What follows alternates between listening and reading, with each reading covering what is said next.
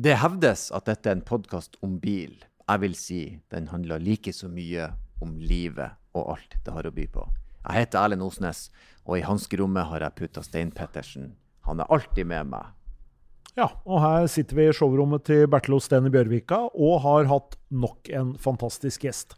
Og for en gjest dette var. Eh, denne mannen er altså like så kjent for latteren sin som det blide fjeset hans. Og han gjorde det lov å være glad i bil i beste sendetid på NRK. Enten så kjente han som bilentusiast, eller så kjente han som en tauebil. Dagens gjest er programleder, podkaster, foredragsholder og stemmeskuespiller. Jan Erik Larsen, folkens. Dette er pappaen til Autofil. Dette er personifiseringa av alt som har motor og lager lyd og går fremover. For en pratstein. Helt nydelig. Dette var fantastisk. Her er det bare å renske forgasserne og benke seg ned og nyte, for denne var fantastisk.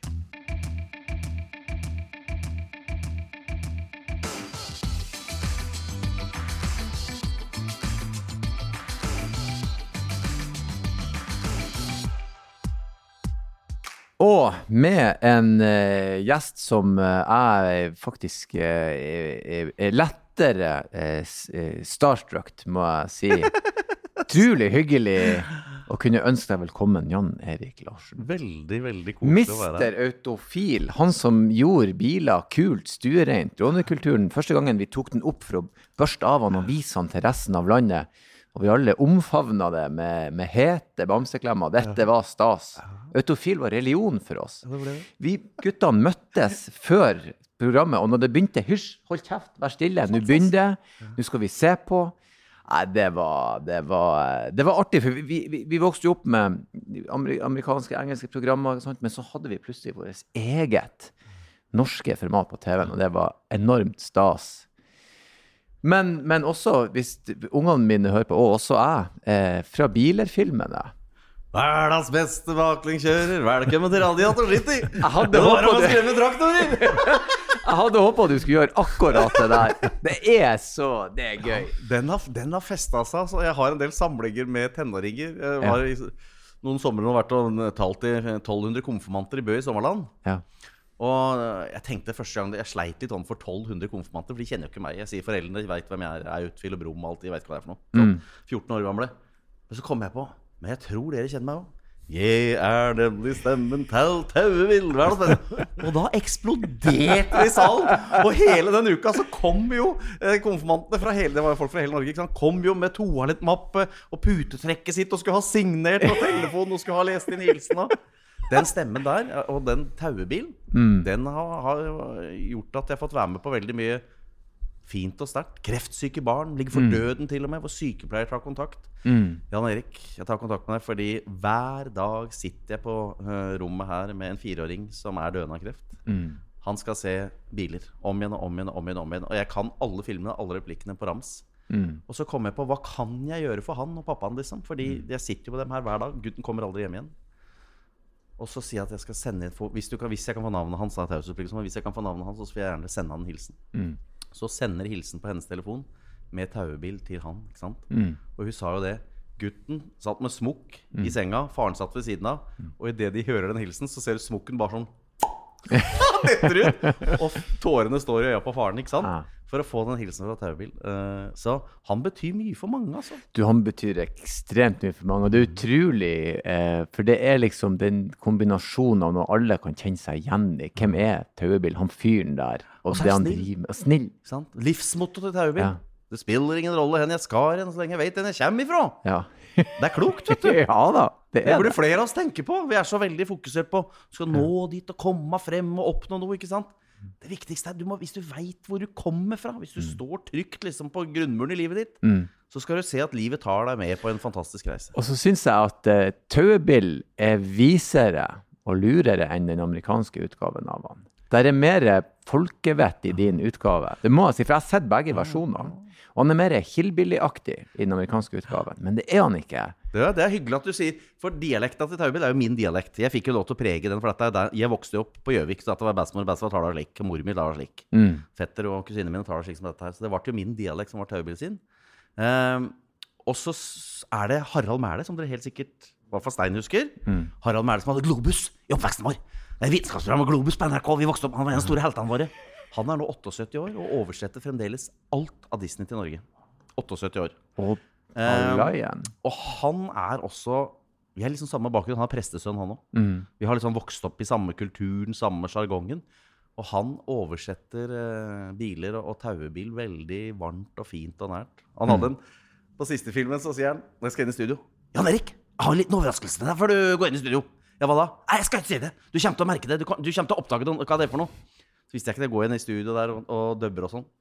Og så kommer det en, en sekvens i filmen hvor Lightning da helt nede sånn, på en, en vanlig film vi kaller for fyll. Han har dettet ut, og han er ute på galeien, ikke sant? Og veit ikke åssen han skal komme seg tilbake. Og da er det på Snapchat, da, på livestream, så, så prøver tauebildet, og så han har fått tak i Lightning og prøver å løfte den opp igjen.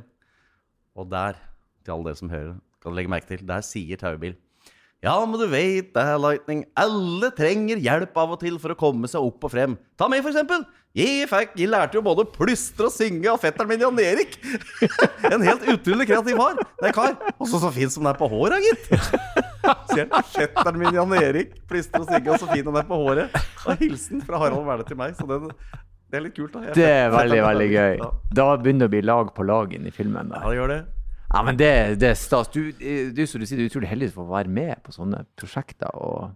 Veldig gøy å, å være med på sånne ting. Og nå kommer det en helt ny serie på Disney Pluss som jeg har vært og dubba nå, med ni episoder av Taubil.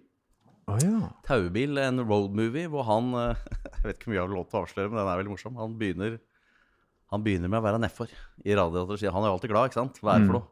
Uff, nei, jeg har fått invitasjon. Invitasjon? Hva, hva da? Nei, jeg må reise bort. Reise bort, du, fra radiator? Uff, ja. Jeg er invitert til bryllup. Bryllup? Nei, men så koselig. Nei, det er ikke koselig. Hvem er det som gifter seg? Det er søstera mi. Søster? Har du søster? Ikke sant? Det starter da. Og så er det en fantastisk reise, da. Eh, Hjem til Taubils barndomshjem og i bryllupet til, til søsteren. Ni episoder. Det skal jeg lete opp og se. Jeg begynte Jeg så Jeg har første Disney Plus. Dette det, skal gå bra. Det må jeg, si. jeg, jeg, jeg så første bilfilmen i lag med han eldste karen min, og så har jeg sett suksessivt til lag med eh, mellomste og dattera mi. Så noen ganger så ser vi alle de i lag, bare for det er gøy. Og det er vel den første som er favoritten, og t nummer tre på nummer to. Nummer tre er nummer to.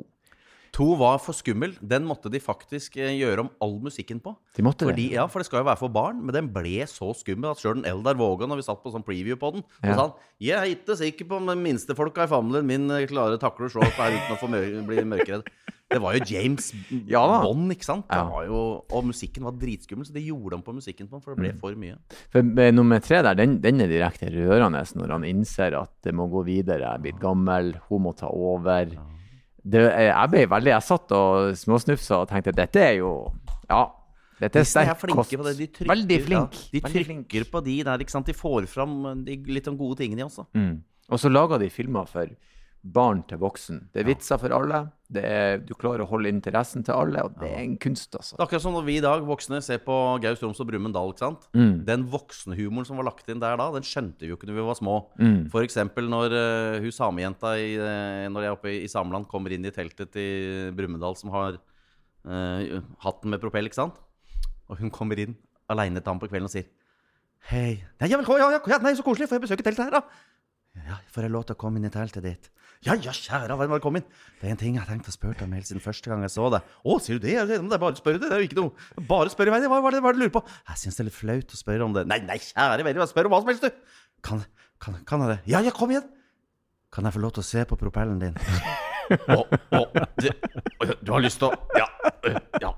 Jo, altså, vi er jo aleine. Ja, jo ja, Hvorfor ikke, sier han. Og så sier du takk, og napper hatten, ikke sant? Og han å ja, ja, ja, propellen. Ja. og som barn, så når hun sier 'få se på propellen din', så er vi Vi følger jo henne. ikke sant? Ja. Vi skjønner at det er hatten. Ja. Men når du er voksen, så skjønner du at han tror at uh... Her er det to lag. Her Er det lag for lag? Lag for lag. ja. Vi, vi, vi, må, vi, må, vi må skrelle litt tilbake og starte på starten. Eh, ingen tvil om at du for veldig mange er kjent som å si, Jeg kommer ikke til å spørre deg om du er bensinhue eller nei, det bruker jeg å spørre gjestene om, det vet jeg at du, at du er. Men hvor, hvor kommer interessen for Og det er jo ikke bare i biler, det er jo motor generelt sett. Hvor kommer interessen din ifra? Den er medfødt.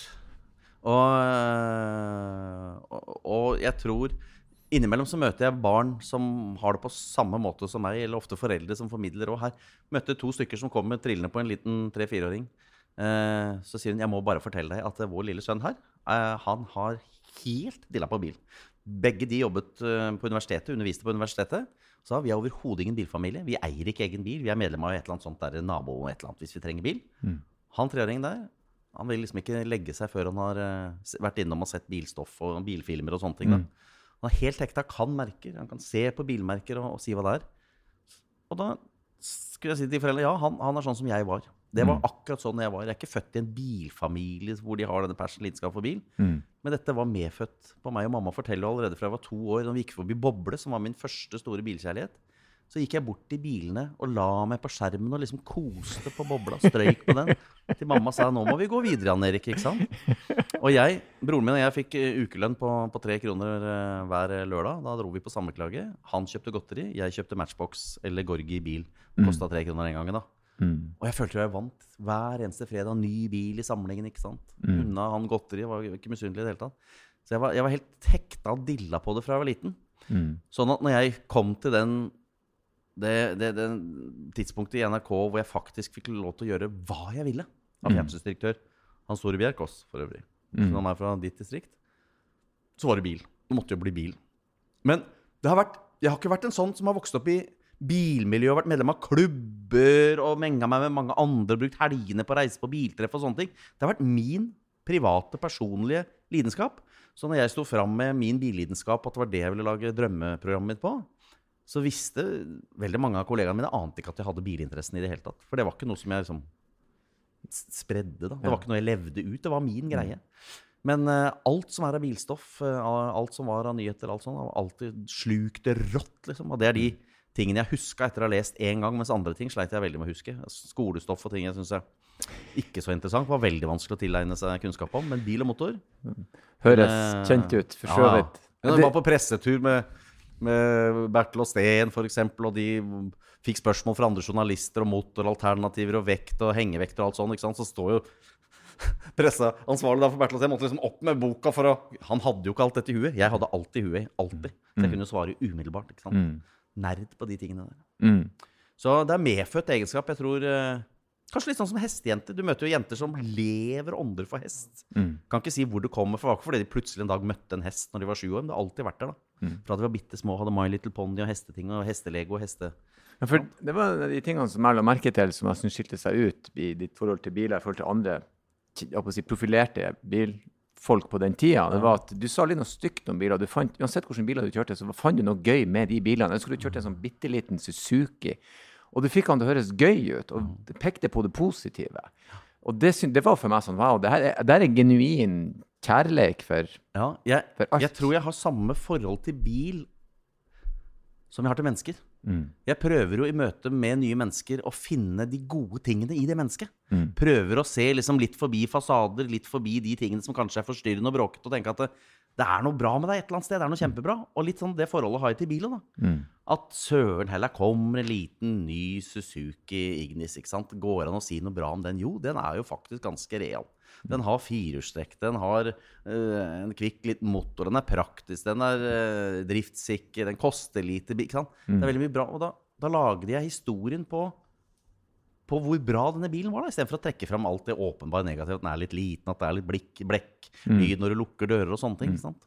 Mm. Eh, og sånn eh, når Stein jobba med Opel, for eksempel, og Opel Mokka kom, som hadde altså et fargespekter av en annen verden, og nye designlinjer mm. og veldig mye valgmuligheter for en kunde. Mm. Det, er, det, er, kjempegøy å mm. presentere det og si at denne lille bilen til liksom 270 000 mm. Er på mange måter like vel så kul som en stor ferdigspekka bil med begrensa muligheter for å personifisere bilen til 700 000. Da. Her kan du liksom designe din egen kule lille koffert, eh, mm. Eh, veske med masse farger og mye stæsj, mm. til en pris som er helt overkommelig. Mm. Det er et kult konsept. Jeg har alltid blitt mer imponert over bilprodusenter som klarer å lage noe veldig tøft til under 500 000, enn de som klarer å lage noe fantastisk fint til 3,5 millioner. Det er ikke så imponerende. Ja.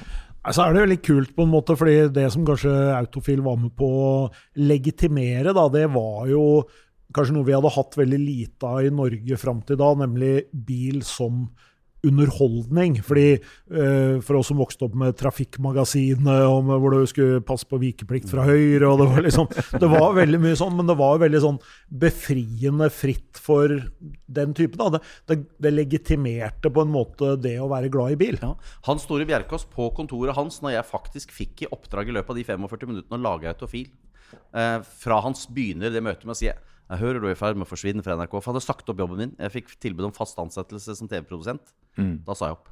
Mm. Lukka en dør. Og da, når du lukker en dør, så åpner du gjerne en ny. Og det endte med at jeg var på kontoret hans. Vi vil ikke at du skal slutte. Hva skal til? ikke sant? Mm. Hvis du fikk gjøre hva du ville i NRK, hva ville det vært? Bilprogram. Sant? Og i løpet av det møtet med Hans Ord Bjerkås som er på kontoret, de tre kvarterene, så ble Autofil til. Og det han sier da Han blir veldig begeistra og veldig gira. Men jeg har ikke noe forhold til bil. Jeg har en Volvo. Jeg vet, jeg vet det er diesel, vet ikke om det er en D2 eller 4 eller 5 eller hva du snakker om. Jeg har ikke anelse. Den står parkert her nede. Uh, og, og, bil for meg, det er kun forbrukerstoff. Det er liksom mm. Og så sier han jeg har faktisk hatt bestilling av bilprogram, for vi har veldig mange nordmenn som ønsker seg bilprogram, fordi vi har ikke hatt det på mange år. Så jeg kjenner jo på dårlig samvittighet overfor alle de som er interessert i bil. Uh, men hvert år, hvert eneste år så har jeg sendt bestillingen til Fakta dokumentaravdelinga til NRK. Mm. Og du vet jo, der sitter jo folk med mye sandaler og lilla skjerf og sånn. Så jeg har sagt kan, kan dere ikke lage noe med bil? Og det svaret jeg får tilbake, det er sånn Ja, hva mener du? Skal vi lage forbrukertester om plass og, og, og sånne ting? De har, jo, de har jo ikke noen passion for det, ikke sant? Mm. Men det du beskriver nå, det er et underholdningsprogram. Jeg skal jo sende deg til Tordis Aavotsmark, som er sjef for underholdningsavdelingen i NRK, og du skal jo lage bilprogrammet ditt i Underholdningsavdelinga. Mm. For det du beskriver nå, det, det er et underholdningsprogram. Mm. Det er jo ikke et fakta- og dokumentarprogram. Mm. Så han måtte tenke annerledes òg. Jeg trodde faktisk ikke på at han hadde hatt bestilling, så han var nede i skuffen sin og henta svære skjemaer og sa seg her. Tre siste åra. Hva med bil? Liksom bilstoff, bilstoff, for folk ville ha det. Ja. Så jeg måtte liksom begynne med å omvende toppsjefen og fortelle Hans Tore at bil er også underholdning. Det er mm. ikke bare traust forbruker. Og jeg ble kjent med Jon Hervik Karlsen. Mm. han sa til meg når jeg lagde Autofil, så sa han, for det var han som lagde Grønt lys og Trafikkmagasinet, så sa han Jan Erik, Autofil er jo det programmet jeg drømte om å lage når jeg lagde bilstoff. Mm. Men på den tiden så var det helt uakseptabelt. Da var jo politiske Norge blodrødt, og alt som handla om bil, var fy-fy. Og det var avgifter, og det var liksom skulle holdes nede. Så jeg prøvde jo innimellom å, å foreslå litt sånn entusiastiske bilreportasjer. Kom ikke på tale, skulle handle om trafikk, sikkerhet og politikk. Mm. Eh, og en gang fikk jeg faktisk kjeft, sånn, fordi da skulle jeg lage en reportasje på disse nye fotgjengerfeltene som var kommet i Oslo by. da. Og da tenkte jeg da trenger jeg en bil. Hvorfor ikke velge en Ferrari? Så da lånte jeg ut en Ferrari 355. Og så brukte jeg den. For når bilen der kommer kjørende inn mot fotgjengerfeltet, så stoppet ikke sant? Da ble jeg kalt inn på teppet og lurte på hva i all verden jeg mente med å bruke en Ferrari i den reportasjen. Mm -hmm. Men det var bare for å ha det litt gøy. Men han fikk ikke lov, da. Mm. Så ting forandra seg med Autofil. Det gjorde det. Og endelig fikk jo da bil Folka som elska bil, fikk jo et program, et, et, et eget norsk eh, nasjonalt program hvor de kunne Også med et budsjett da, som gjorde at det gikk an å lage noe som er ordentlig. For det er klart, ja. nordmenn var jo har jo vært, og er jo fortsatt, egentlig litt ødelagt av Top Gear, på en måte. fordi at uh, For alle som har vært litt tett på en sånn produksjon, så skjønner du jo at uh, det er jo helt ellevilt. Top Gear hadde vel uh, Hvis du tar alle autofilprogram jeg har lagd, og vi lagde i 7,5 år og 100, over 150 program, så tror jeg de programmene til sammen har samme budsjett som ett Top Gear. Ja. Ja, det kan gjøre. Det, for jeg hadde, ikke store, jeg hadde ikke store budsjetter. Uh, så det, det, Autofil ble jo så lekkert også fordi samarbeidet med bilbransjen, med Bertel og Steen f.eks., ble så bra. Det første jeg gjorde når jeg fikk oppdrag å lage Autofil, så skjønte jeg at hvis jeg skal få til å lage det programmet jeg ønsker å lage, så må jeg ha med bilimportørene. Mm. Fra dag én, fra start. Mm. Så jeg fikk et halvt år på meg før vi hadde produksjonstid i NRK til å lage det. da Og det halvåret brukte jeg på å dra rundt i alle bilimportørene i Norge. Booka møter med informasjonsdirektøren og kommunikasjonsdirektører for å fortelle om konseptet mitt, fortelle hvordan jeg ville lage det. De fleste trodde det jo ikke, for de sa skal NRK mm. lage et sånn type underholdningsprogram om bil? Mm. Så noen var veldig skeptiske. Andre heiv seg på med en gang og skjønte at dette toget må vi være med på. Men iallfall, når jeg da starta første produksjonsdag av Autofil, før vi hadde lagd et program, for vi produserte jo et halvt år før første program kom, så var alle bilimportørene med og stilte opp med det beste, nyeste, råeste de hadde av materiell. Mm. Så jeg hadde fri tilgang til det fra, fra dag én. Mm. Og det var med å, å, å, gjøre den suksessen. da. vært Steen Sten inviterte jo liksom til test av ML55 AMG på flystripe. Jeg kjørte kapp med fly. Vi kjørte over 200 km i timen. Ja, det er kult. Vi, de la til rette for å lage heftige, heftige ting. Du må jo ha noe helt vanvittig hva er noen av de råeste minnene du har fra der? Altså, du Råeste er jo uansett eh, er jo jagerfly. ikke sant? Eh, F-16 og jazzgripe. Det har jeg vært oppe og herja med jagerfly oppe i Bodø. Mm. Det er jo det råeste du kan gjøre.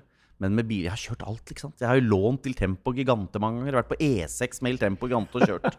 Sitte der og bært Folk som kommer imot meg, de skvetter jo nesten av veien. ikke sant? Jeg er ikke vant med å møte den bilen der. Jeg har kjørt Bugatti Veyron på raserbane, jeg har kjørt Königsegg, jeg har kjørt Ferrari, Lamborghini og alt. Men, men jeg er nok litt sånn, der tror jeg ligner litt på Stein òg. Jeg vet at vi er like der at han har også testa enormt av biler. ikke sant? Mm. Men hvis jeg skal ha en, en lykkens dag på Rudskogen, da, eller på Arctic Circle Raceway, så vil jeg gjerne kjøre f.eks. en Mini Cooper John Cooper Works S. ikke sant? Mm. En bil som er, har masse effekt, fryktelig morsomme kjøreegenskaper, mm. men er innafor mitt nivå da, som sjåfør. Jeg er ikke Tommy Rustad. Mm. Eh, med en sånn Mini så kan han, så kan jeg, da slår han meg med bare et sekund eller to mm. på rundene. Fordi det er biler jeg håndterer. Mm. Men hvis jeg da på en racerbane en hel dag skulle satt meg i en, en feit Lamborghini eller Ferrari eller Råstø, en GT3 Porsche eller noen, eh, eller en SLR for den saks skyld, mm. så kan ikke jeg kjøre den i nærheten av grensene på den bilen. Så jeg vil heller da ha en, ha en Cooper Cooper og eh, kose meg med. Så, så lykken mm. behøver ikke koste liksom mer enn 500 600 000 kroner. da, Hvis du skal ha det maksimalt moro. Og så er det noe med, i hvert fall har jeg det sånn, at eh, for meg så er det, hvis det er en bil jeg ikke har kjørt før, altså om det da er en uh, eh, 76 Morris Marina, eller om det er en uh, ja, eller om det er en, en, en Cayman, liksom. Jeg syns det er like kult uansett, for det, dette har jeg aldri kjørt. Det er bare liksom den der, for det er noe med alle biler. Mm. De har noe, liksom. Ja, det er noe ved dem. ikke sant? De har noe ved seg. Ja. Og selv biler som er kjent for å ha verdens verste kjøreegenskaper, ja. er jo en utrolig morsom opplevelse. Sant? Når du virkelig får kjenne og bekrefte at det er sant, det jeg har hørt om den bilen her. Den er jo livsfarlig. ikke sant? Den er jo, den er jo motsatt av hva som er sikkerhet. ikke sant? Mm. Den har firkanta ratt, faktisk. Ja. ja.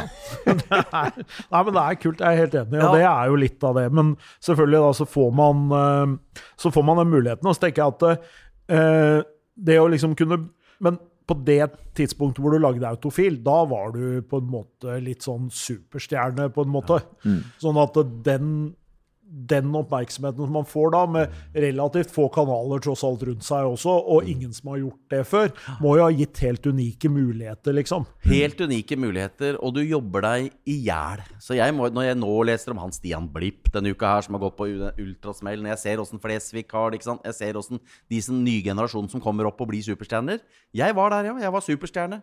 Vi, eh, det er ekstremt arbeidskrevende, og du blir ødelagt i huet ditt fullstendig.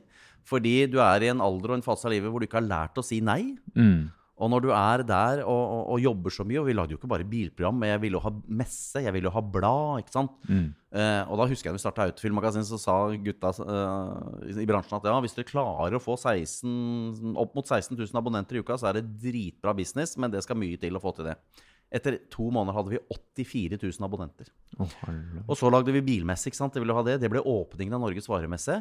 Og nå leser du at motorshow og sånn, hva de hadde, var det 26 000 besøkende eller noe sånt. Vi hadde over 80 000 vi, på Autofil. Messa på lyset. Så det tok helt, Og i tillegg til alt dette Jeg var jo hands on på alt av innhold. Mm. Eh, for det var det viktigste for meg, å bestemme innholdet.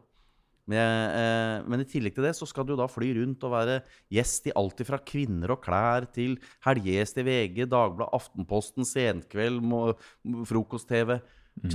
Alle vil ha en bit av deg. da. Mm. Alle vil ha en bit, Og du sier ja, ja, ja, ja, ja. Og til slutt så er du der at du i november er utslitt, og så tenk, prøver å si til deg sjøl Ja, men jeg har en frihelg i slutten av mars. Bare jeg kommer meg dit, så skal det gå bra.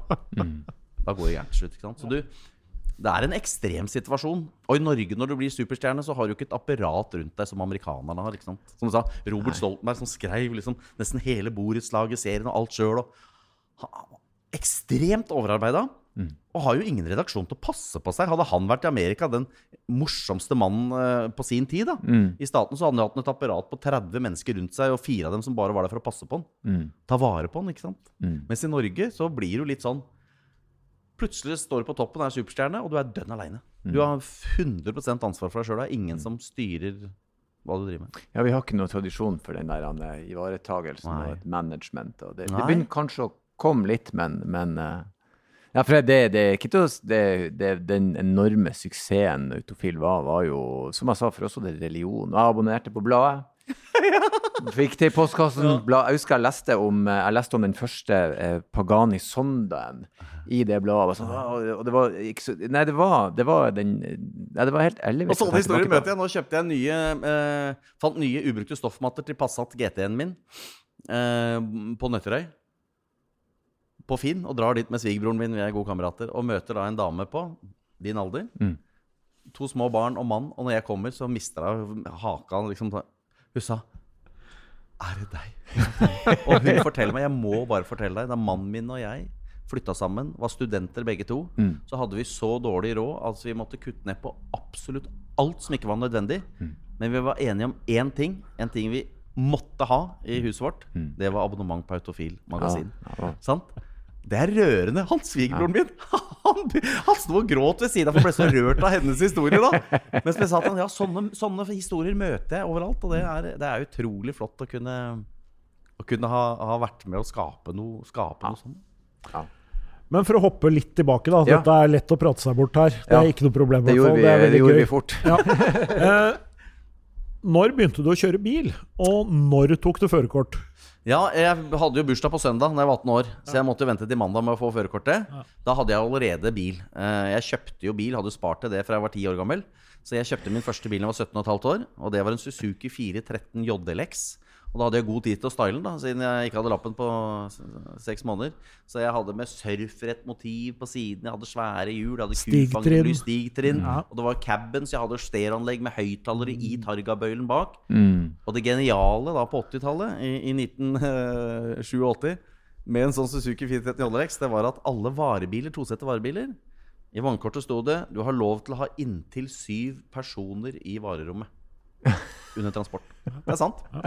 Eh, det var ikke plass til VN2 i en 413 eh, Jollex, men jeg kunne ifølge vognkortet ha inntil syv personer. Så kompiser og sånn satt jo på saccosekk bak i den bitte lille. det var ikke, men det var ikke, det var ikke farlig, det. da Nei, det var ikke altså, vi, vi, kjørte transit. Vi hadde madrasser baki. Så satt det, satt det seks stykker baki, og så satt vi foran. Kjørte jo Hedmark rundt. Genialt. De kunne være der under transport. Da, da lå du og sov. Da bytta på å kjøre, så da gikk du og la deg i varerommet og sov. Ja. Så det var, det var, min første bil. Og så hadde jeg Jeg begynte å bytte veldig fort. da eh, eh, Så når jeg fikk lappen, sånn, så hadde jeg den en stund. Og da bytta jeg den i en Volkswagen 1303 S Porsche-boble bygd av Kjell Laaen. Eh, med, 100, nei, med 1915-motor, 2 liter på 120 hester og diger original 911 vinge og gull metallic og helsveis alt. Lookalike Porsche. Det, må, det, må, det, er tøft. Ja, det, er kjempe, det var jo noe av det hotteste på slutten av 80-tallet. det også. Ja. Hmm.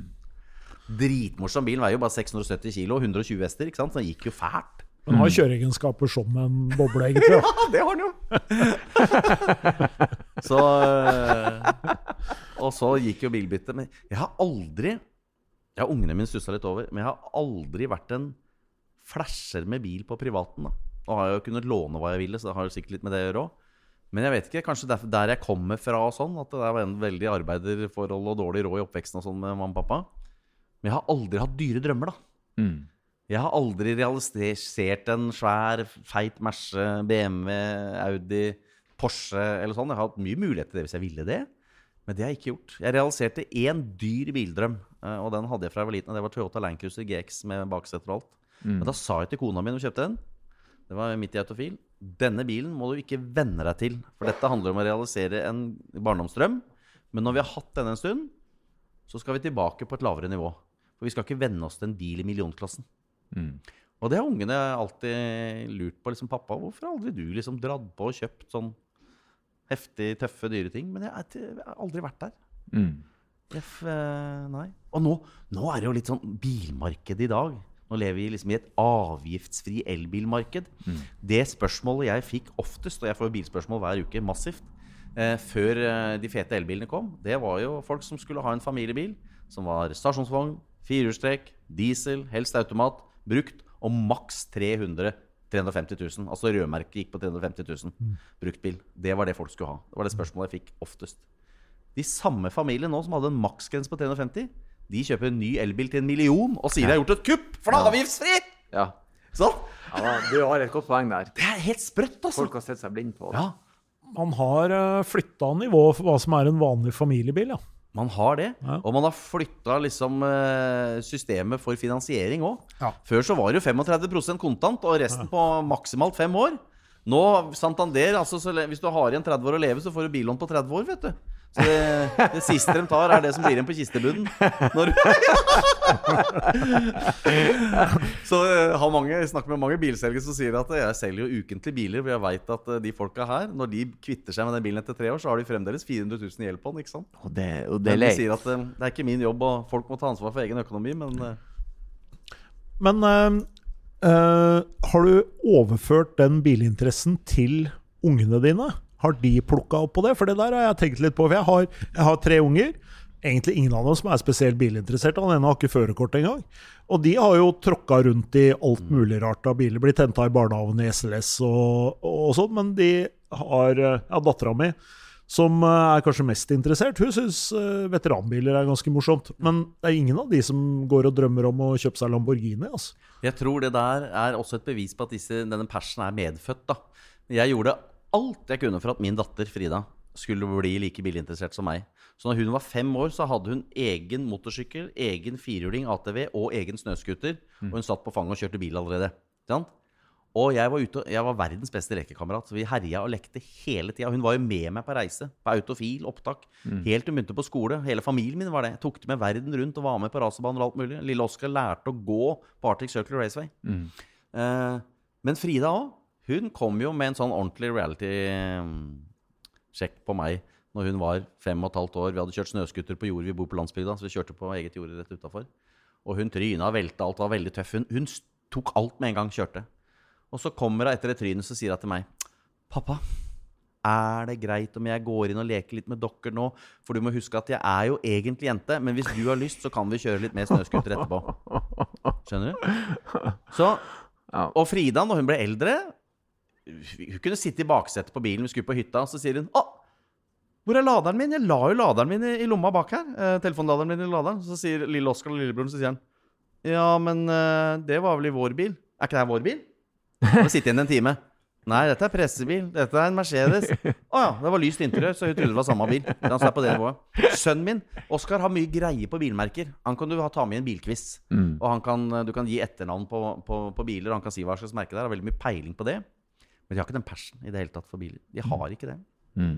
Men nå, når vi vokste opp, så var jo bil statussymbol i enda større grad enn det er nå. Og vi som vokste opp på landsbygda, altså i Hunndalen hvor jeg vokste opp, da, det var ingen som snakka om hvor fint hus du hadde. Uansett, De med det fineste huset i Hunndalen var ikke verdt mer enn en million uansett, eller under det. Sikkert 500 000. Men bilen var jo det som fortalte litt om hvem du var. Mm. Så i Hunndalen så ble du målt etter hva slags bil du hadde. Sånn Larsen kjøleservice. Kjøpte tre nye Merce 300 TDT varebil, 1985-modell. Da var de konger i Hunndalen, ikke sant? 300 TDT varebil med Larsen kjøleservice på. Det, du kom ikke høyere på rangstigen, altså. Mm. Så bil var målestokk. Så vi som var små da, vi tenkte at når jeg blir stor Benny Christensen, for eksempel. Eh, I Brom, kameraten min, vi traff hverandre da jeg var på 18 år.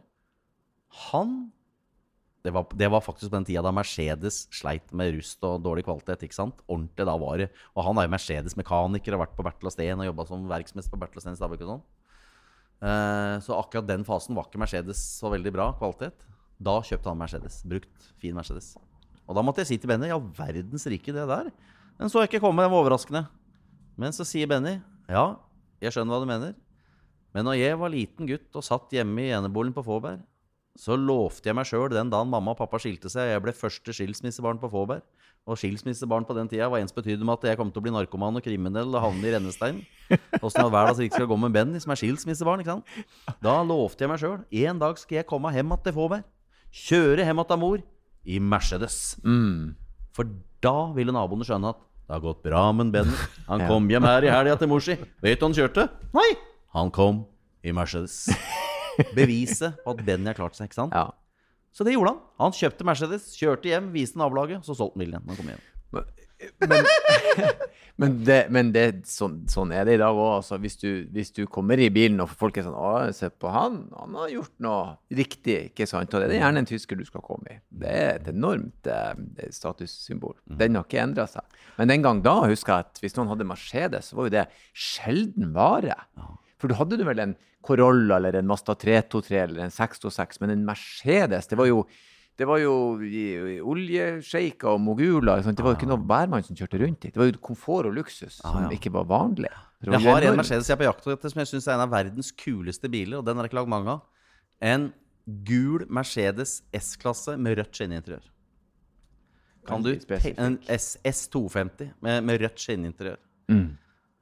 Det er av 1976 eller 77-modell. Det er altså noe av det kuleste som er lagd noen gang. Og bare det at du kunne få den bilen en liksom top of the line av Mercedes. Den har til og med manuell girkasse. Slå den. Mm. Og den gulfarven er uh, nydelig. Den er gul. Ja. Den er solgul, ja. mm. og med rødt interiør. Ja. Den er bare helt vanvittig fin. ikke sant? Soloreklame. Ja. Ja. Du har jo åpen, åpenbart lidenskap for biler. Hvordan er du på den, den handy sida? Skrur du, reparerer du noe sjøl? Har noen restaurert noe? Har du noe historikk der? Jeg drømmer om å være praktikeren. Jeg drømmer om å kunne, og jeg drømmer om å klare, men jeg har altfor lav selvtillit på det. Ja. Eh, ifølge kona mi så får jeg til alt jeg vil. Hun tror til og med jeg kan snekre. Jeg har snekra tre ting. Og hun skryter av det hver gang hun ser på det og bruker det om platting og sånne ting. Når jeg først gjør det, så gjør jeg det uhyre grundig, da. Mm. Men jeg har ikke noe selvtillit på det. Jeg skulle ønske jeg hadde det. Mm. Men jeg har en av bestevennene mine, Lars Rokke, han har eget verksted. Uh, og jeg elsker å komme ned til han da både fordi han er god på skru, men også fordi han røyker. Jeg elsker å stå ved siden av en som røyker, siden jeg ikke røyker sjøl lenger. Jeg slutta i 2009, jeg angrer ennå. Men Lars han røyker enda, så det er deilig å stå ved siden av Lars og lukke døra og bare fylle det rommet med sigarett. Det er digg. Og da hjelper jeg Lars. Mm. Eh, for han har sarkidose, så han begynner å få dårlig pust og uh, sliter litt med tunge løft og når, du må fram med latmannsarmen og sånne ting. Eh, så jeg er med hos Lars og hjelper han å skru, da. Mm. Og lærer jo mye av det. Han sier 'du får jo til hva du vil', du, liksom. Men jeg, jeg får i polletten i huet at Jan Erik, du er god, du kan skru. Den, eh, den klarer jeg ikke. Men jeg tror i bilmiljøet òg, og på klassiske biler, det er der det handler om å, å restaurere og pusse opp, så ser du at du, du, kan dele den gruppa nesten grovt i to. Du har de som lever for å jobbe i garasjen, som må restaurere. De mm. som drar lykkelig fra Ekebergmarkedet og ruller av gårde med noe som er så brunt og rustent og slitent og fælt at du tenker at dette er jo bare fyllmasse. Men når de tar det hjem i garasjen, så vet de at nå er jeg lykkelig i fire og et halvt år. For det er den tida det tar å restaurere den bilen. Så bruker de alt av tid og penger på å gjøre den fin. Og når den er strøken, så drar de ut på et par treff, så får de noen pokaler, og så selger de den. Ja. For de må ha nytt prosjekt. De er jo ikke deres billidenskap er jo ikke å kjøre rundt og vise fram den fine bilen, hvor alt er 100 mm. Så finner de seg et nytt rustent objekt, drar ned i garasjen, og lykken er komplett igjen. Men sånn sett utfyller vi jo hverandre, da. Ja. Jeg tilhører den gruppa som vil gjerne kjøpe en ferdig bil av en sånn som har restaurert den i fire og et halvt år. Mm. Og jeg fryder meg over da å bruke den, holde den like, polere, pusse, vaske, shine. Men jeg er ikke han, som, jeg er ikke han grove restauratøren altså, som tar den Og så har du han tredje da, som uh kjøper den dårlige bilen, tenker at du skal restaurere den, men aldri kommer lenger enn at han står i garasjen fortsatt. og det så jeg apropos da jeg kjørte bil nå mellom Osen og Åfjord. Der var det altså Annethvert hus hadde både to og tre avskilta biler stående i hagen. Og da ja. skjønner jeg at her bor en kar bare jeg får tida nå, over helga neste uke til våren igjen, da. Så skal jeg sette i gang og så skal jeg restaurere disse bilene. Uh, da skal det fikses. Du har ikke, du har ikke vurdert å hogge nå? Er du gal? Bilen skal opp og gå igjen, ikke sant? Ja, ja, da. Så, uh, sånne prosjekter, da. Ja, det er fascinerende. Vi, vi, hadde jo eh, Harald Skjøtt her, og han eh, henta jo inn eksotiske superbiler. Reparerer de til det minste atom, og så er det greit. Trenger ikke å kjøre med de og vise de frem. Skal bare fikse. Så det er jo en sånn lidenskap i seg sjøl. Jeg drømmer òg om å være handy, men jeg kan ingenting. Det er veldig trist. Kan kjøre han. Ja. Stå ved siden av han. Ja. Prøve å se litt kul ut. Men, men du kan gjøre litt sånn enkle ting hvis du må. Jeg kan Boble kan jeg mye av. Min første bilkjærlighet kan jeg veldig mye om. Så jeg har en, en 1200 Lux, en 1965 rubinere, som akkurat uh, bikka 90 000 km nå. Den kan jeg gjøre det aller meste på. Og der mm. skifter jeg bensintank og slanger og ja. mm. uh, får til det aller meste sjøl, da. Eh, men det er veldig enkelt, da. Boble er fryktelig enkelt. men er du, sånn enkelt, men du er nok over i snittet, vil jeg tro. men er du sånn samler, liksom, som gjerne kunne hatt, eh, eller har mange biler? Mange biler har du? Bil og båt. Jeg har fire biler, og så har jeg fem båter nå. Eh, pluss motorsykler og sånne ting. Da. Men jeg har bor på landet, da. Vi har fire garasjer, og alle er fulle. Uh, og nå måtte jeg lagre den ene båten min hos Lars Rocke, kameraten min. men, jeg, men jeg elsker, elsker, uh, elsker ting, da. Jeg flytta hele oppveksten. Uh, jeg flytta femte gangen jeg var tolv år. Da lærer du deg å bli glad i ting ofte mer enn mennesker. Mm. Fordi du vil alltid han nye på de stedene du flytter. Mm. Og det er vanskelig å få kompiser å komme inn i, i, et miljø. Så jeg veldig tidlig begynte å knytte meg til ting. Mm. Eh, til lekebilene mine, til tingene mine. Og jeg var så knytta til de at noen ganger da, hvis det kom noen på besøk som ville være med meg og leke i mitt univers med landsbyer jeg bygde og støpte i betong og alt mulig ute i, i, i blomsterbedet til mamma, så ble det nesten forstyrrende at folk ville komme og leke med meg, fordi de rota det jo til. Mm. Jeg måtte ha oversikten. da. Så jeg er veldig glad i ting, og det er jeg enda. Jeg er en tingsamler og glad i, glad i ting generelt. Jeg elsker jo antikk og loppisser og, og, og retromarkeder, og jeg handler inn, og der pusser jeg opp og restaurerer og mm. selger litt og sparer litt og gir gaver. Og, så jeg har en enorm kunnskap om, ved siden av bil om antikviteter, norsk mm. designhistorie, mm. eh, om båter. Jeg kan vel like mye om båt som jeg kan om bil, egentlig. Mm. Nå kjøpte jeg meg en klassisk, kanskje Norges fineste Saga 7000 1980-modell. Totalrenovert med ny Nanny 6-hesters eh, turbodiesel og ny innredning og alt mulig. Eivind Amble Design som kom og tegna en, en eh, ny båt for Saga på slutten av 70-tallet etter en kjempesuksess med 27 og, og Saga 20-snekka. Hvor de sa kanskje vi skal lage en snekke på 23 fot, liksom. Og Eivind Amble da, han så jo til Europa, så alt hva som kom, og sa nei, nei, vi skal lage en plattkatter, vi skal ha en halvplaner med dyp kjøl, og vi skal satt i gang og tegne, og hadde med Veritas på laget fra starten av, og, og lagde da Saga 7000. Som ble en kjempehit, produsert i over 1000 eksemplarer. Mest solgt til Tyskland og Nederland, Sverige og Danmark, for den ble ganske dyr i Norge. Mm. Det er en fantastisk båt. Og en sånn klassiker. Det er som å kjøpe en gammel klassisk Mercedes. Det var en skipper i Ulsteinvik som har forberedt uh, pensjonisttilværelsen sin. Til og med kosta på motor som koster 174 000 ny eske før montering. Kosta på den båten enormt. Og så blir han dement idet han blir uh, pensjonist. Og Uff, som sønnen sa Jeg tror ikke han far veit at han har hatt båt en gang. Altså, det beklager. Uff. Jeg skulle likt å fortalt han at det er du som tar over alt, men jeg tror ikke han veit at han har hatt båt. Men det ble en lykke for meg, da. Mm. Så jeg fikk den uh, frakta på lastebiler fra Vestlandet. og Fikk den nå, gitt navn Bottolf. Mm. Med Å. Bottolf. Ja, men det er fint. Og den kom hjem nå. Men det er jo mye av det samme, det også. Den, den båt, båt, bil, motorsykkel mm. Mm. Det er en sånn uh, hellig treenighet, nærmest. Det, veldig, veldig det, det, det, har uh, mye av det samme. Da. Jeg har akkurat kvitta meg med min gamle Draco, som sank her nå. Sank? Sank, ja. Uh, så Og det er liksom så det, så det, er jo noe med Men jeg har samme fascinasjonen for den. da Det var en båt jeg hadde ønska meg siden jeg var liten. Det lå en Draco på utsida av vår trestekke. Hvilken Draco var det? Nei, det var, jeg hadde en 1800. Dette var en, den som lå på utsida, var en 21. Og så var det sånn, du, du, lå der og så på den. Vi hadde den der snekka, den plana jo ikke, det gikk sakte. ikke sant? Hver gang så hørte jeg han starta motoren, dro ut, forsvant ut, gikk opp i plan idet han forsvant mellom øyene ikke sant? og blei borte. Og jeg visste at vi kommer jo ikke ut av fjorden, ikke sant? fordi det tar tre timer. Mm. Så, så den der og bare det å gå ut, ligge i vannet og svømme, se på den båten, se på linjene, mm. er jo veldig mye av det samme som jeg har til biler. da. Mm. Og du vet, Nordmenn nå har begynt å samle på klassiske Dracor og Windier og importerer de tilbake fra utlandet. Båter som ligger rundt om i Europa. Henter dem hjem og pusser opp. Det er, det er noe av det fineste som er lagd. Og den, den skrogformen jo også, ble jo på en måte retningsgivende for alt av Vebund-skrog etterpå. Sant? Det er fantastisk konstruerte båter. Fra den tida da Norge hadde altså en båtindustri som var helt vill, og ikke minst med Draco. ikke sant? Hvilke motorsykler har du, bare av, av nysgjerrighet? Ja, nå skjøt jeg litt, men nå, nå, har jeg solgt til tungmotorsyklene. Men jeg har en, eh, nå har jeg mopeder. Jeg har Honda Zoomer. Mm. Hvis du vet hva det er for noe? Verdens Ja, du veit det, Stein? Honda Zoomer. Jeg har hatt det i ti år. Uh, ungene har brukt den to år hver seg mellom 16- og 18-årsalderen. Den har gått 13 000 km nå, og folk tror fremdeles den er helt ny. Lagd i Japan. Det er ikke en skrue det renner noen ting av. Mm. Dødskul sånn skatemoped. Mm. Som jeg har rodda litt opp og bytta ut paneler med heltre mahognipaneler fra en gammel Vestfjord eh, trebåt som lå råtna på rot oppe på Jarseng. Så jeg har tatt av mahognien og lagd de kule surfpanelene og sånn på den til den knallrøde mopeden. Og så har jeg litt crossere, litt sånn Honda CRF-crossere, for vi bor på landsbygda, så vi må kunne kjøre litt cross. Mm. Akkurat på motorsykkel så, så, kjenner jeg at eh, jeg har, jeg har erfart at så mange venner har ødelagt seg og dødd mm. på motorsykkel. Jeg har nesten ingen som har dødd i bil. Men jeg har mange som har ødelagt seg og dødd på motorsykkel. Og det er sånne felles for de fleste er at de er litt sånn superfornuftige menn. Eh, som bare har vært på feil sted til feil tid. Mm. Eh, så jeg har veldig respekt for det med motorsykkel. Mm. Noter deg det. um, jeg meg det. Jeg hadde ikke blitt glad hvis sønnen min eh, Oskar på 20 Ja. år sier han ville Ja ta motorsykkellappen. Det hadde jeg ikke syntes noe om. Ja, da, jeg, jeg kjører sykkel, og det er veldig gøy, men jeg har jo selvfølgelig i bakhodet akkurat den der. Det er, for det er liksom ikke opp til meg hvis det skjer noe. Men så er det også en, en, en, en, en følelse av vind i fjeset og naturen og luktene. Kjøp deg kabriolet.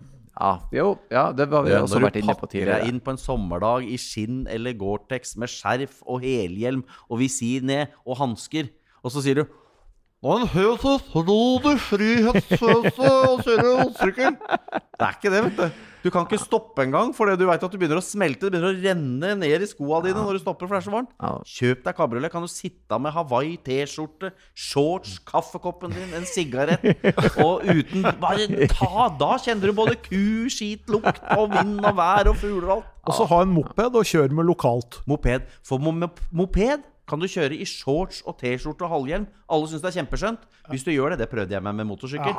Da kom folk til meg og sa Larsen, du som er forbilde i trafikken, dette er ikke akkurat etisk. Dette ser ikke bra ut. Dette Det er ikke se- innafor.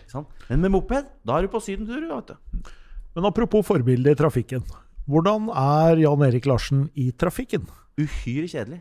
Ja. Jeg har ingen prikker i førerkortet mitt. Jeg har fått to fartsbøtter i hele mitt liv, og det er sånn trille litt for fort i Drøbakstunnelen, så jeg ble tatt med åtte km for mye.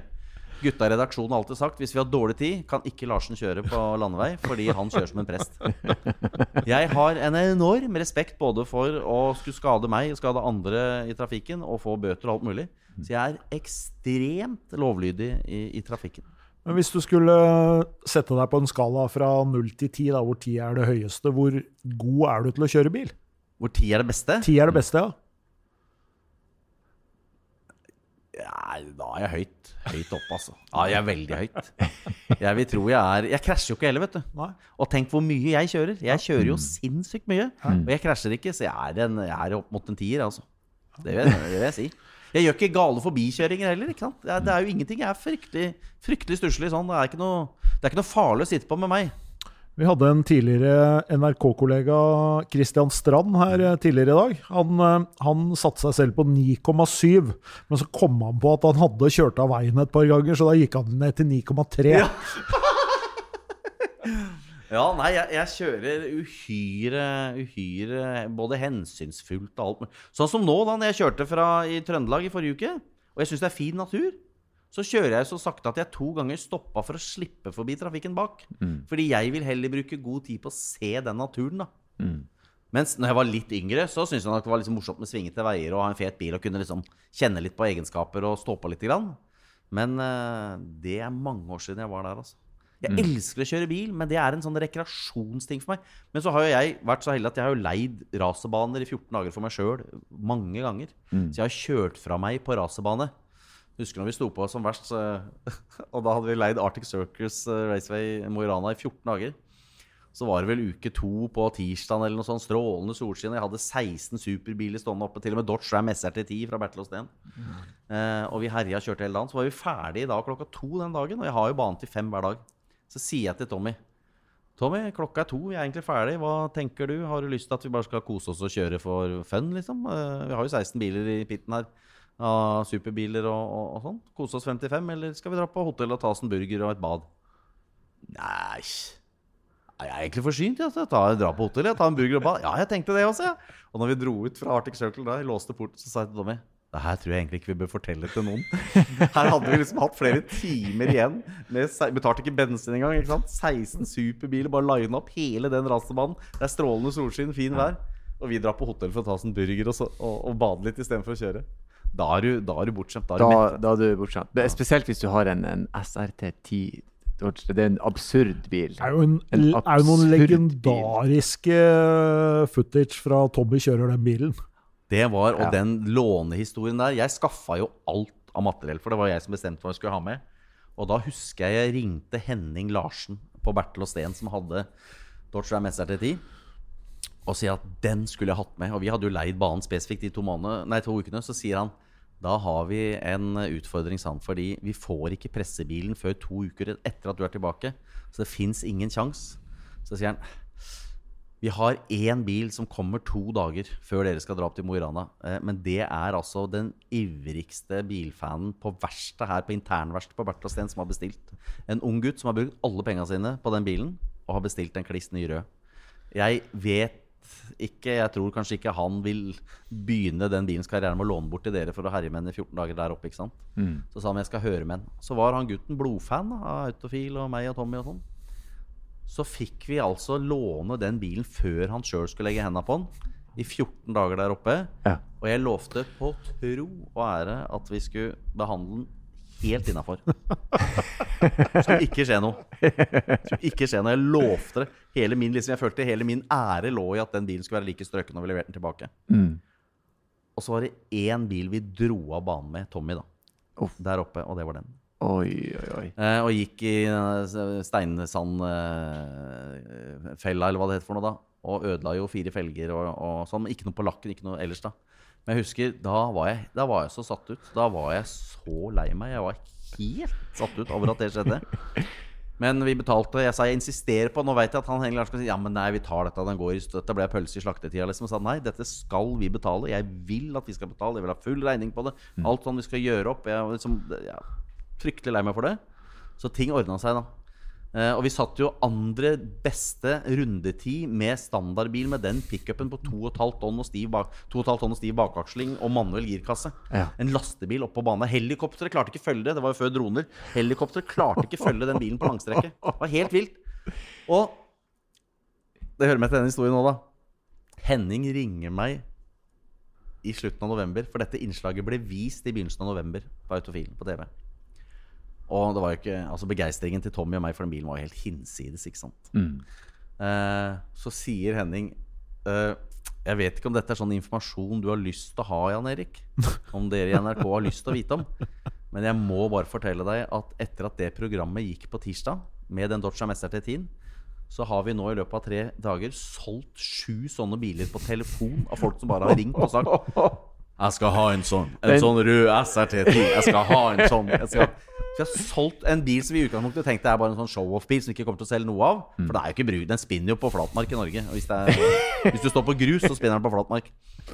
Men eh, de solgte sju stykker på telefon i løpet av de første dagene. Så det var, det var gøy. Men det er derfor jeg vet om den bilen der. Det er pga. det programmet der. Ja, og den girstanga når du kjører det der og du, ja, Det er brutalt. En pickup. Og det, det, det er Viper-motoren som står i den. Den, den er jo helt latterlig, den bilen. Og det er det som er så gøy med den. For han har ingen funksjon annet enn å være absurd og latterlig. Og, og det er en racerbil. Du, ja. Han kunne jo håndtere den. Han kan jo ligge de breieste, lange sleddene akkurat som han vil. ikke sant? Mm.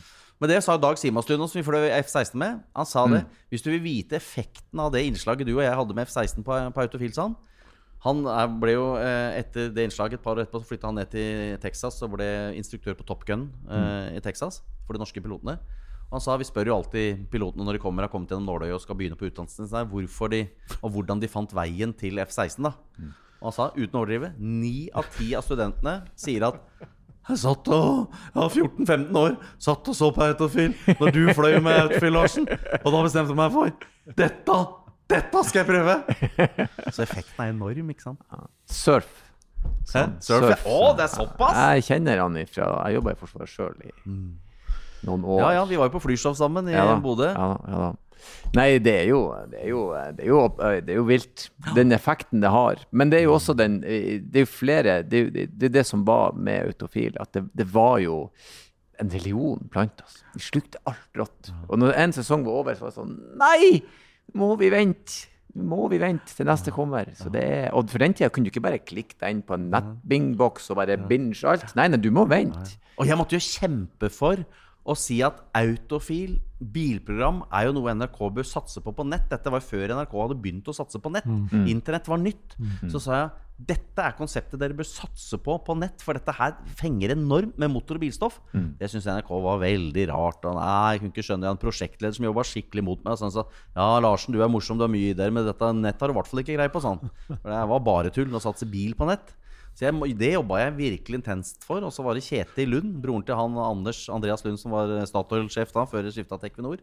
Han var eh, min toppsjef da. Og han hadde trua på det og hørte hva jeg sa og trodde på min begeistring og, og entusiasme.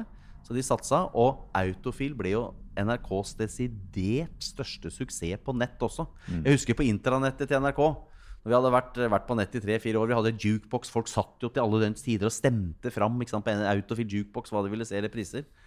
Så var det på intranettet så var det Tore på sporet slo Autofil på NRKs eh, nettsider. da Liksom hadde enda flere treff enn Autofil den siste uka. Det var sånn oppslag. Mm. Og da var det tre måneder siden vi hadde hatt nye program eh, på, på, på, sending. Da det, Da slo Tore på sporet oss én uke, og så var Autofil tilbake på topp uka etter. Og da var ikke vi på sending engang. Mm. Da var vi i produksjon. Mm. Så det tok helt av. Det var kjempesvært. Folk Øystein var, var, gjest i P4 med Øystein fra morgengjengen der. Han kan jo utenat hele min regle når jeg tar hvordan du kan finansiere den Princess 65 som jeg testa da står på baneplattform, badeplattform, og drar en regle med at du skal låne ditt og pantsette. Det er en lang regle. Han kan den utenat enda. Han dro den for meg. Det, det, det, og, og den derre Jeg leder Ålesund Motorshow hvert år, da. Og alt det der når det er Nissan Skyline GTR R32, den stilles alltid ut med loff i røret. Her kan du putte sånn. loffen Her kan du grille loffen din, og tralalala. Så det er blitt sånn. Det er, det er sånn det da blir jeg stolt når jeg ser at jeg har skapt sånne ting. Altså. Men sånn på slutten, da. Mm. Hvis du Du er antageligvis ikke en stor gambler, men, men eh, hvis du mot formodning skulle ha levert en eh, Viking-lottokupong, og den går inn med ja, si 854 millioner nesten en milliard. Eh, hvilke bil kjøper du da? Eller da kan du få to biler og én båt. Ja. Ubegrensa med midler. Ubegrensa med penger. To biler, én båt.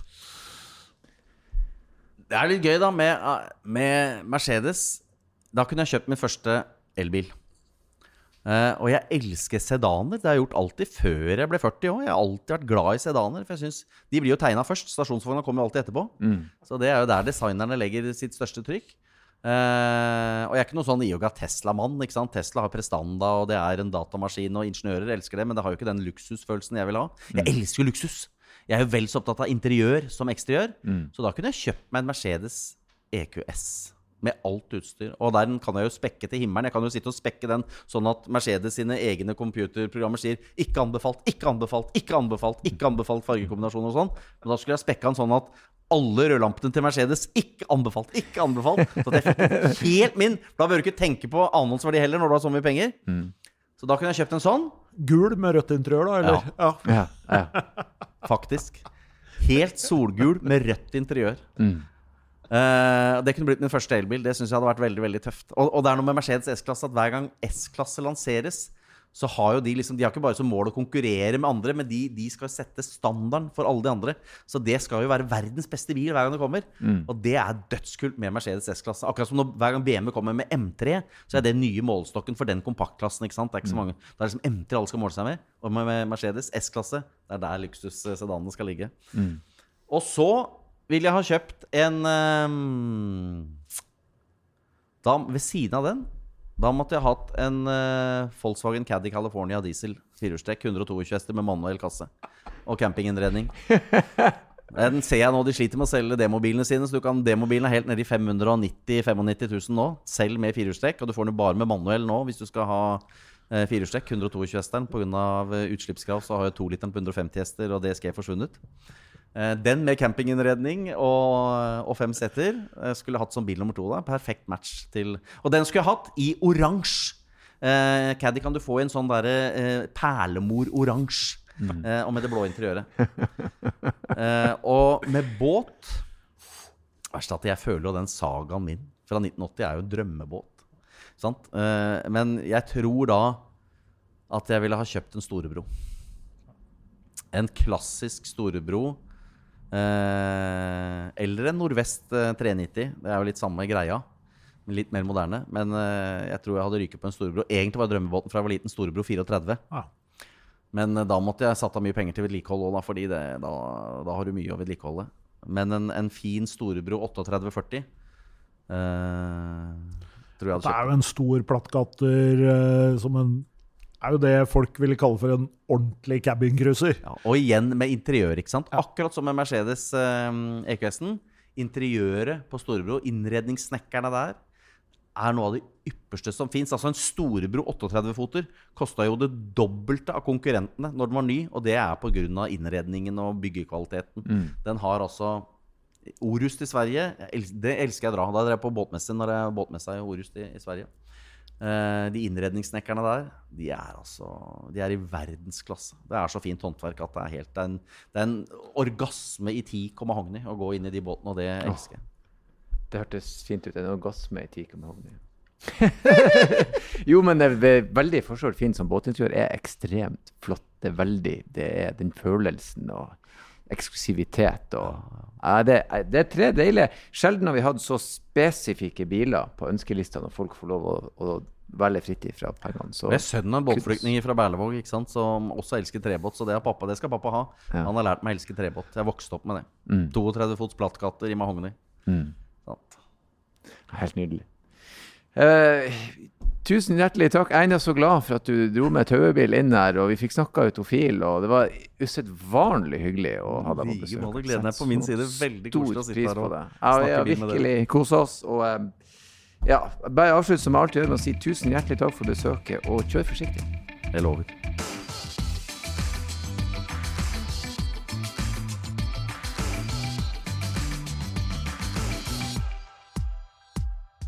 Hei, hei, hei, stopp! Det er ikke ferdig ennå, ikke skru av. Det er bare jeg som hiver meg på og ber dere om følgende. Hvis dere vil ha gjester, hvis dere vil komme med kommentarer, hvis dere har spørsmål, bruk endelig vår e-postadresse som er bakrattet at bos.no, bakrattet at bos.no.